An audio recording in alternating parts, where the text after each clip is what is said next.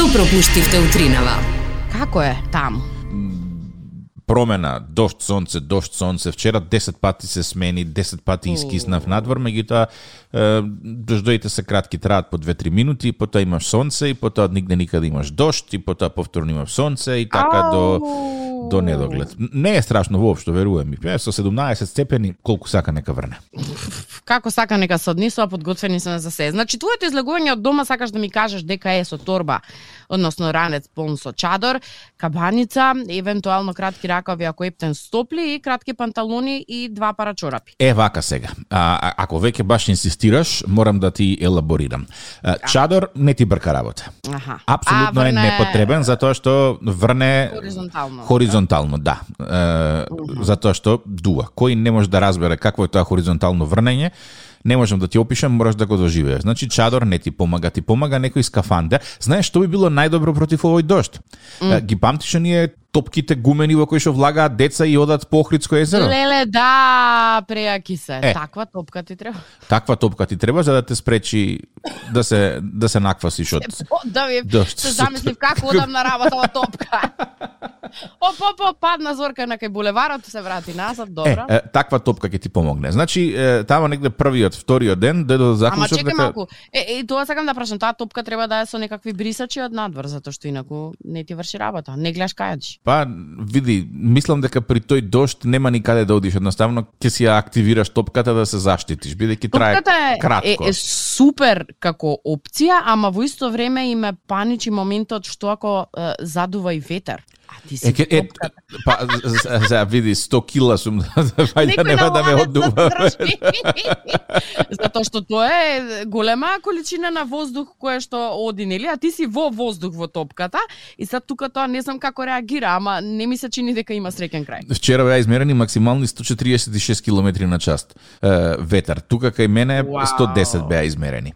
Така да, да, нешто со топката ќе оддува ветрот ако не си доволно доволно тежок. И чекај се, да ти кажам, и чадор не носам веќе. Е, почнав да носам, нели, јакна за дошт, една најлонска. Меѓутоа, толку многу врне и толку огромна количина вода излегува, што и тоа не е решение, затоа што ќе се направиш жива вода. И после низ процесот на обиди и грешки, дојде до заклучок дека е најдобро да излезеш во кратки панталони и кроксови. Леле кроксови, добро? Затоа што кога ќе заврне, факт е дека ќе бидеш жива вода од глава до пети, без оглед како си облечен. А оваа варијанта ти е наједноставна, најмалку мокри алишта ти стојат на на кожа и кратки панталони најбрзо се сушат, да. А реално пак и ти кажам, значи на 17, 18, 19 степени воопшто не е така ладно, така да можеш комотно да се шеташ по по кратки и кроксови или кратки и папучи, а горе да си имаш некој дуксерче, па кога ќе тргне да врне, само се облечи го дуксерот на гола кожа да искиснеш. И кога ќе преврне, буп облечи си го дуксерот и сув си, решен проблем. Е, сега изгледа дека ова не е баш типично решение локално овде, затоа што ме гледаат попреку кој е ова будалава што шета гол на дошта, ама мене ми брка работа, право да ти кажам. Па добро, на кој што му одговара, нели не само за тоа, него за се во животот, на кој што му одговара и како сака да си го е, нели изведе тоа. Важно е да се стаса од една до друга дестинација. Може би ќе поставам некои нови трендови во Да, многу ме интересира како станам. тоа изгледа. Крокс, кратки панталони и јакна шушкава. Дали ти се барем слика. во една боја? Не, е, сега ти што ме направи кермит жабата од Не се во една боја, во повеќе бои се. Добро. да, да. Ранец, а добро каде каде носиш клучеви, телефон, не знам Значи, нешто ако е јас сум од тие мажи кои што имаат теорија дека ако не ги собира работите во джеп, премногу работи се носи, така да Е, видиш, една многу интересна работа и маш ми има истата теорија и секогаш праша, а ташна ќе носиш? И така што мојата ташна станува заедничка. Ташна сите клучеви и непотребни работи кои што тој нема кај да ги стави, се завршуваат кај мене во ташна. И знаеш кога Е, за жал, јас немам жена, па морам вистински да минималистички да се движам. Не, овој момент сакам да те прашам, дали знаеш кога ја обжалува одлуката што ми ги дал сите своји непотребни е, нешта кај мене во ташна? Кога? Ќе дое време да се вадат. Ај дај ми го клучот, чекај малку сега да застанеме еден од трак, па вадиш новчаник твој, па вадиш ова, па вадиш ова. Е, го нема клучот. Сум имал Ако го нема таму мора да Сум имал Добре. мали искуства со тие чанти, торби, ранци, кажи ги како сакаш. Mm -hmm. Ноќ на мора ми се од проста причина што кога ќе тргнам да барам нешто, а не можам веднаш да го лоцирам, добивам напад на анксиозност, каде е, зашто го нема, дали сум го изгубил можеби и така натаму и така натаму и така натаму. Вака Зорке, лев джеб клучеви, десен джеб новчаник, заден джеб е, мобилен. Во секој момент знам што каде е и е на дофат на рак. И не се секирам. Да, генерално и, и тоа е опција, да. Меѓутоа ова со со опцијата подај на на женати заваташна да стави, секогаш има два краја. Едниот е супер дека нема да ги носите по джебови вие, а вториот е дека ни сопругата нема да ги најде длабоко, длабоко, длабоко. Ама не ми е јасно што е тоа што се носи во машка чанта. Па ти треба ич да не е, клучеви од автомобилот и клучеви од домот. Тоа се два различни клуча е, раз, широк диазапо, диапазон е е, кокави се колку има тракаташки на него кои што може да бидат закачени, нели? Некој има само еден клуч од дома и тоа е тоа. Некој има клуч канцеларија, клуч, не знам, подрум, клуч, не знам, разноразни клучеви. Мојот клуч да го видиш се чудат колегите и знаат каде е во секое време. Толку е видлив и огромен, нема шанси тој да го утнеш. Видиш, ја ругаме технологијата. Меѓутоа, ако сите тие прави станат електронски и се модернизираат, од ова Супер. ништо Ама нема да се друг случи. момент ме интересира. Што кога ќе падне е, напонот на струја? Е, тогаш сорке проблем. Исто што и што кога ќе го изгубиш клучот од дома. Па, и ти си до некаде во права, ама е, реално клучот, факторот за губење на клучот сум јас, а не е нешто трето. А и од друга страна, ако јас го изгубам клучот, па веројатно сопругот нема во исто време и тој да го изгуби, Така па ќе му севам дојди да отклучиме. Така ама е. ако падне струја, кој да дојде, не можеме да отклучиме. Така Абе, што секој зло си носи свое добро, треба да ги ставиш на вага причините и последиците и да видиш која варијанта повеќе ти одговара. Нема бегање од тоа. да.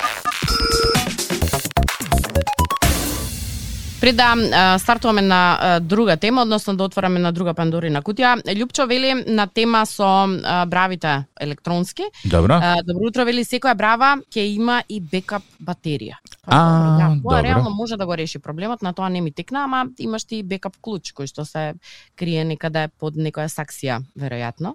Така што, што ти е побрзо, за тоа одлучи се.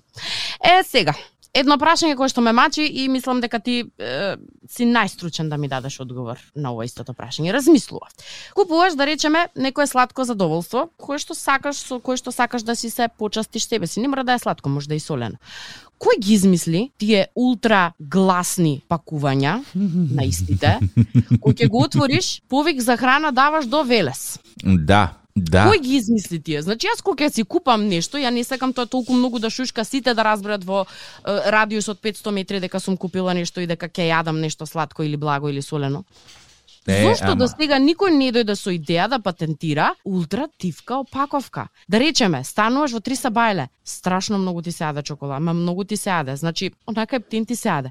И отвораш И цела куќа те слуша. Комшијата доаѓа и вика јас сакам два реда. Да. Направено е баш од таа причина да да ти даде грижа на совест. Мислиш дека е тоа? Да, јас на пример како некој кој што ноќе јаде, ноќе зборуваме 2 3 4. Да. Многу често ми се случува да ги разбудам домашните баш поради тие шушкања на опаковки и слично. И сега почнав да купувам зорке чоколади кои што не дигаат многу джева кога ги отвараш. Какви се тие чоколади што не ти Најчесто се мини чоколадца кои што само ќе ги скинеш од горе и ги ги јадеш. А оние малите, да кажеме, киндер јајца со опаковка или оние чоколади кои што имаат хартиена опаковка од горе, па потоа Да. е, алуминиумски станиол внатре тие крцкаат. Не де Боже ако ти се пријаде чипс ноќе. Цела зграда ќе ја разбудиш. Значи, звукот кој што го создава отварањето на одредени пакувања, ти е исто како покана. Ама ти не си ја дал поканата, самото пакетче ја дало поканата. Шушка. Значи дека Да. ќе биде отворено кај да е. И додатна е, работа кај чипсот која што го комплицира целиот процес на конзумација е крцкањето што чипсот го прави во твојата уста. Да. И колку и да не му се јаде на човекот околу кој што гледа, едноставно му се јаде. Не постои Таква е чипс кој што можеш да го изедеш без сите околу тебе да знаат што се случува.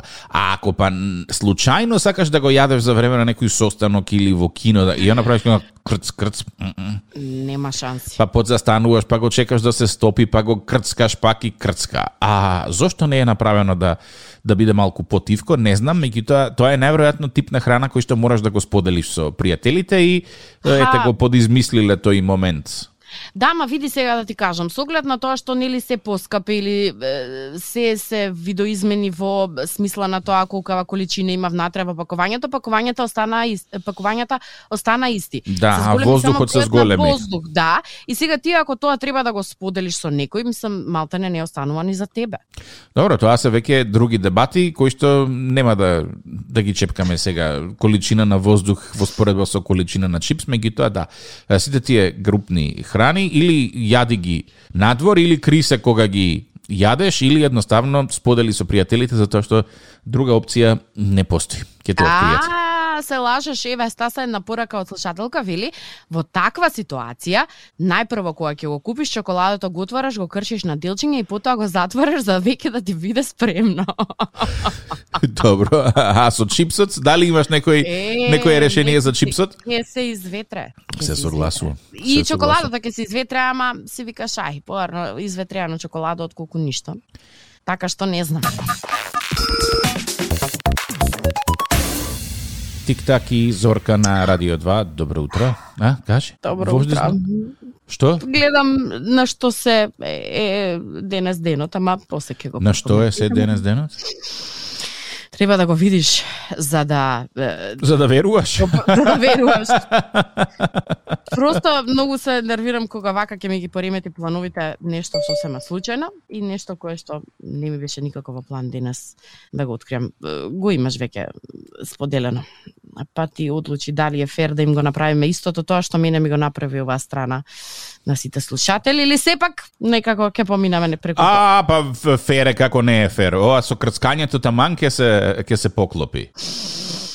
Сакам да го Меѓународен одвидам ден на начо чипсот. Сакаш да го одгледаш? Мене како Да, ми се пријаде од да Савајле. И па истото и мене ми се случи кога го видов, викам дали е ферски ова да ми го правиме на сите кои што не слушаат, ама да, поентата е да биде во таков со со со макање, онаков со со стопено кашкавалче. Кај што крцкаш, па и да се умачкаш од прсти Значи просто ми до... течат лиги додека го зборувам ова и сакам некако да го одвидам, ама нема опција веќе. Се надевам дека вие ќе ќе најдете начин како да го одслушнете од она што го слушавте. Откако ќе си замцкате начос со сосче од сирење, дополнително ова е и недела на марципанот, така да грабни марципан од најблискиот маркет, направи некоја фигуричка и потоа со сласти зедија да се засладиш. И се разбира, со оглед на тоа што е ноември, месец на мустаките во чест на машкото здравје, оваа недела е и неделата за која што треба да се говори за парите со цел следната година да ти биде по берикетна. Ете така. А, кај нас, луѓето кои што се домазетови, домазетци, многу често се предмет на исмејување. Ама нешто интересно се крчка таму. Зашто станува збор за некои си 10 минути на Радио 2? Добро утро. Добро утро.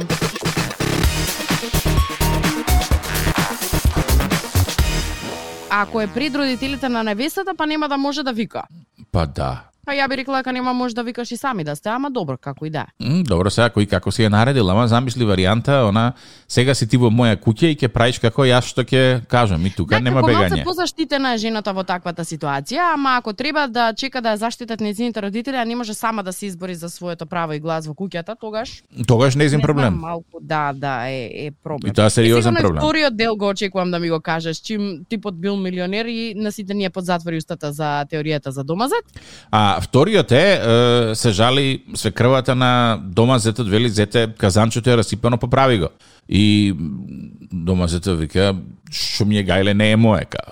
Следниот ден пак свекрва зете кадата е расипана среди ја.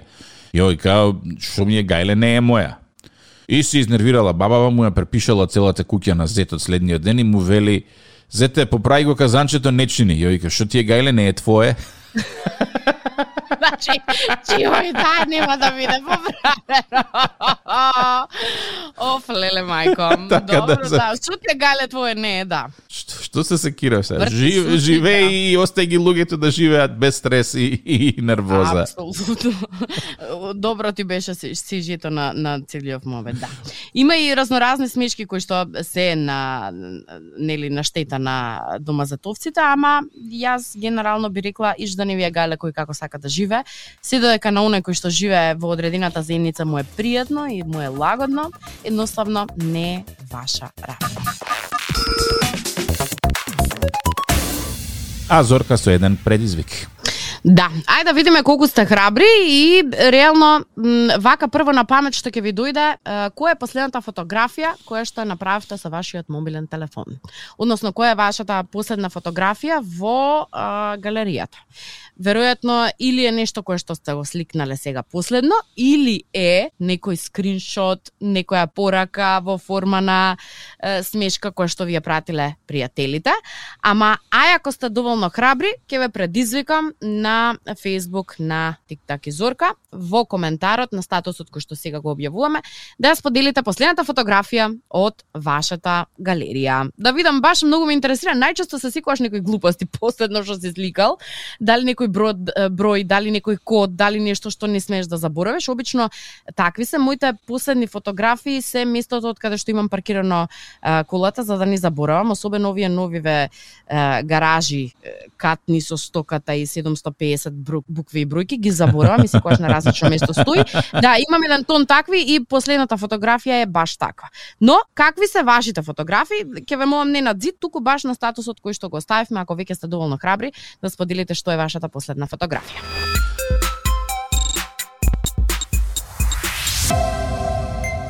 Еве, што току во е, на Вибер ти ја пратив мојата последна фотографија од галерија. Само што стаси. разгледувам. Да, ја гледаш? Да. Се во име на тоа.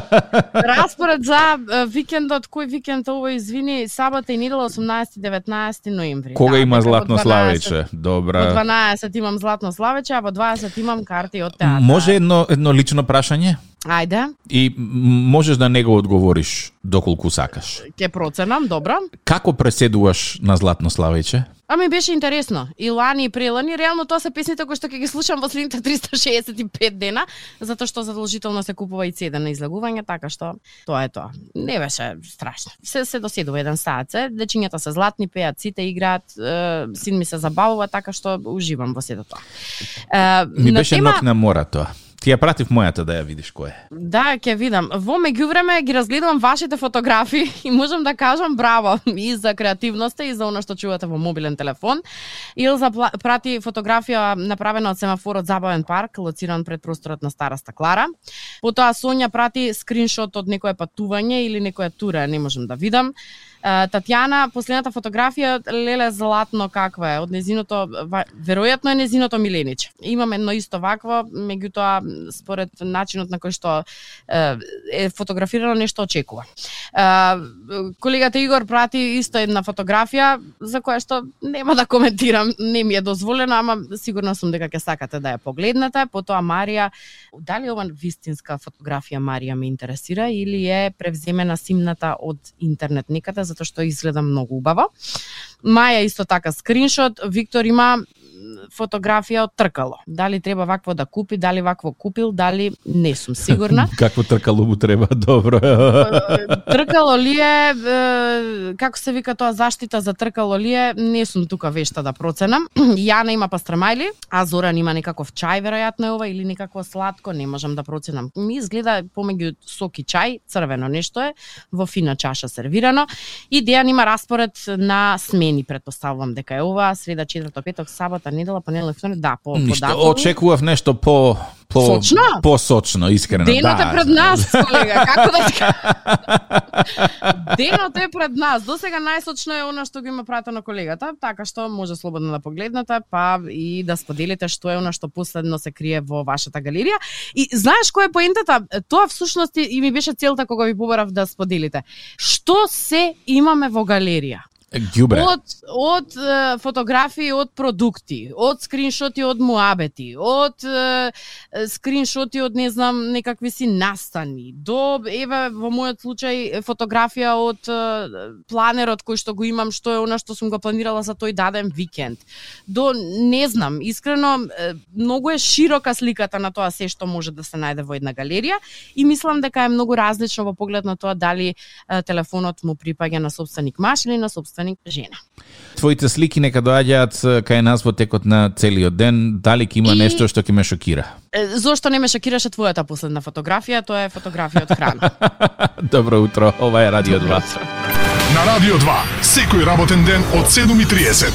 Будење со Тик-так и Зорка. Во случај на неконтролирано смеење и симптоми на позитивно расположение, консултирайте се со вашиот лекар или фармацевт.